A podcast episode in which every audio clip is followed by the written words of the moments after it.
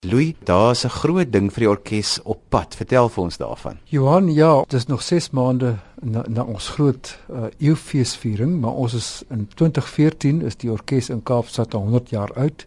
Dit is vir ons baie belangrik dat ons uh, die hele wêreld verkondig dat daar's 'n orkes in Afrika wat vir die eerste keer 100 jaar oud word. En ons is reeds besig met ons langtermynbeplanning. Volgende jaar moet ons 'n baie groot haas uit die hoed uittrek uh, om seker te maak dat almal weet die orkes en die tradisie van orkesmusiek in Kaapstad is 100 jaar oud. En ons is nou reeds besig om programme te reël. Ons kan nie net een uitvoering gee nie, ons gaan sommer dwars deur die jaar fees vier. Louis om 'n orkes so aktief te hou soos julle het baie uitdagings. Waarna kyk julle vorentoe as julle nou terugkyk oor 100 jaar? In eerste plek moet mens miskien onthou dit nooit beter word nie. Ons die befondsing word moeiliker en moeiliker.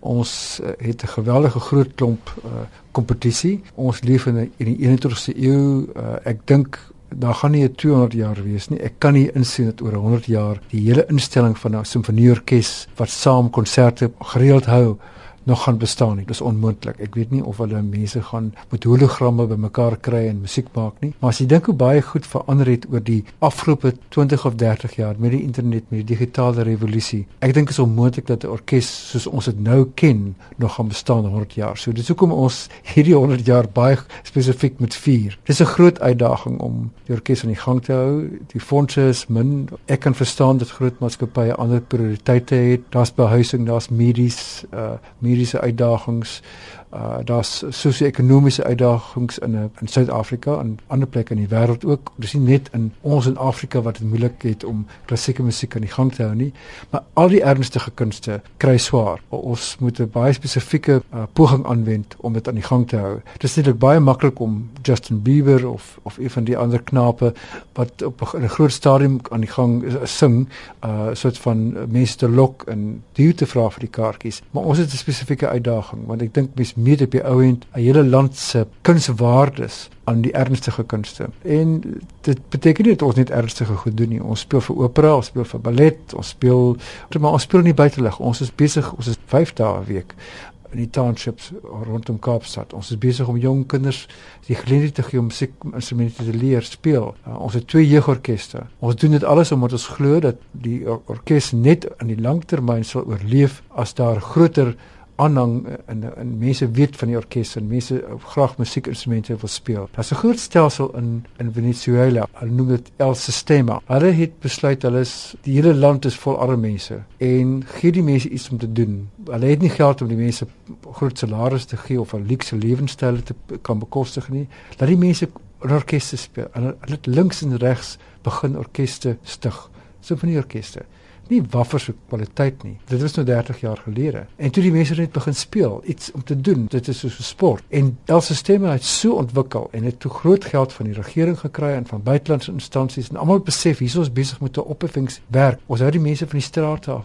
Ons hou hulle weg van van dwelms en en uh, goed af. En skielik het daar in elke klein stad en elke klein dorp het 'n simfonieorkes gehad. En nou speel daai orkeste en daar het nou al ongelooflike goed uitgekom. En die hele wêreld verwys nou na el sisteme. Ons doen dit in Kaapstad ook op op 'n klein skaal. Sien dit in 2004 het ons twee jeugorkeste wat wondere verrig. Nou speel ons jeugorkeste al op, op baie plekke waar die waar die professionele orkes beset is waar hulle nie kan speel nie waar daar nie tyd is nie staan ons jeugorkes lede al in. Leon is aan die begin van die nuwe seisoen en jy het 'n pragtige boekie hierso met opwindende program wat voorlê.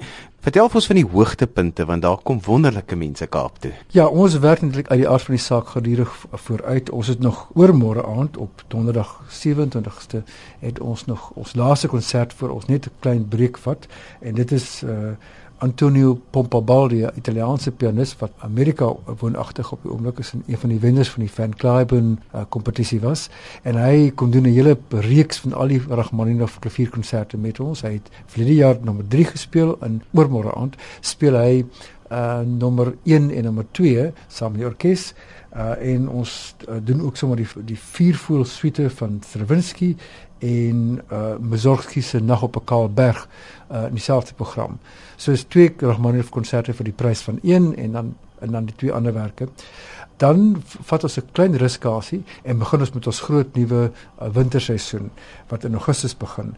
Ons uh, begin met baie interna uh, groot internasionale pianis en dirigent uh, Leslie Howard wat reg deur die wêreld bekend is vir sy innoverende manier van van uh, nuwe opnames van onbekende werke en hy kom Tchaikovsky se tweede klavierkonsert speel. Almal ken Tchaikovsky se eerste klavierkonsert, hy begin nommer 2. Dan is dit my ook groot ideaal vir 'n lang tyd om die Suid-Afrikaanse twee jong musisië Emil Busakovic en Abigail Busakovic saam op voeg te kry wat uh, Mendelssohn se dubbel viool en klavierkonsert gaan uitvoer. Ek dink dit is uh, iets wat uh, Mendelssohn en sy susters destyds gedoen het. Daar's min groepe suster en broer kombinasies in die wêreld wat van so hoë standaard is dat hulle saam met 'n orkes kan uitvoer. En ons het twee wonderlike musisië hier in Suid-Afrika, Emil en Abigail. Hulle het albei internasionale loopbane. Abigail is op die oomblik in Israel en uh, Emil in Duitsland en is lekker om die twee saam te kry,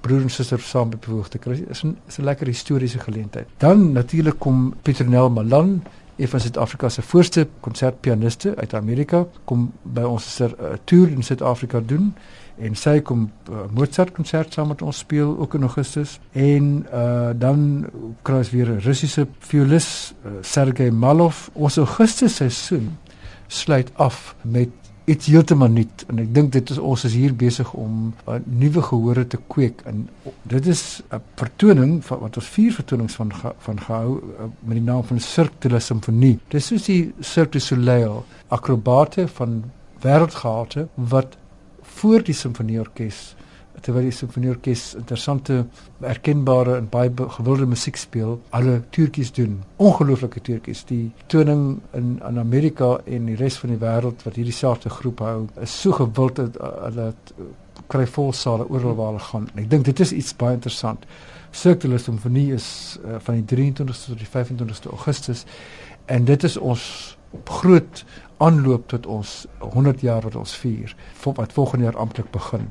Ek dink ons is besig om om nuwe gehore te trek uh, met so vertoning. Ek hoop dit gaan so gewild wees van van hier af gaan dit ook uh, in ander dele in die, in die land opgevoer word. Maar ons is baie trots om met om vir die eerste keer so groot vertoning aan te bied as 'n simfonieorkes. Louis, iets wat interessant is wat julle as 'n filharmoniese orkes gedoen het, is dat julle julle eie tydskrif het. Vertel vir ons daarvan, is 'n nuwe ding wat julle uitgebring het, maar is ook al in sy tweede uitgawe. Johan, ons moet vir mense vertel presies wat se wonderlike aanbiedings ons bring. Ons uh, daar's verskillende maniere om goed te adverteer. Ons adverteer eintlik baie meer met elektroniese nuusbriewe en op ons webtuiste. Maar konserte is ons nuwe tydskrif. Dis groot, dis helder en dit vertel vir mense die die fantastiese goed wat ons bring uh in Suid-Afrika. Mense wil 'n bietjie rondblaai en 'n luukse tydskrif kan sien wat wat ons bring, hoe goed dit is en hoe dit vergelyk. Daar is so baie geraas uit daar. Mense weet nie meer waar om te kyk of dit nou die sosiale media is of die koerante of groot tydskrifborde of of of advertensies.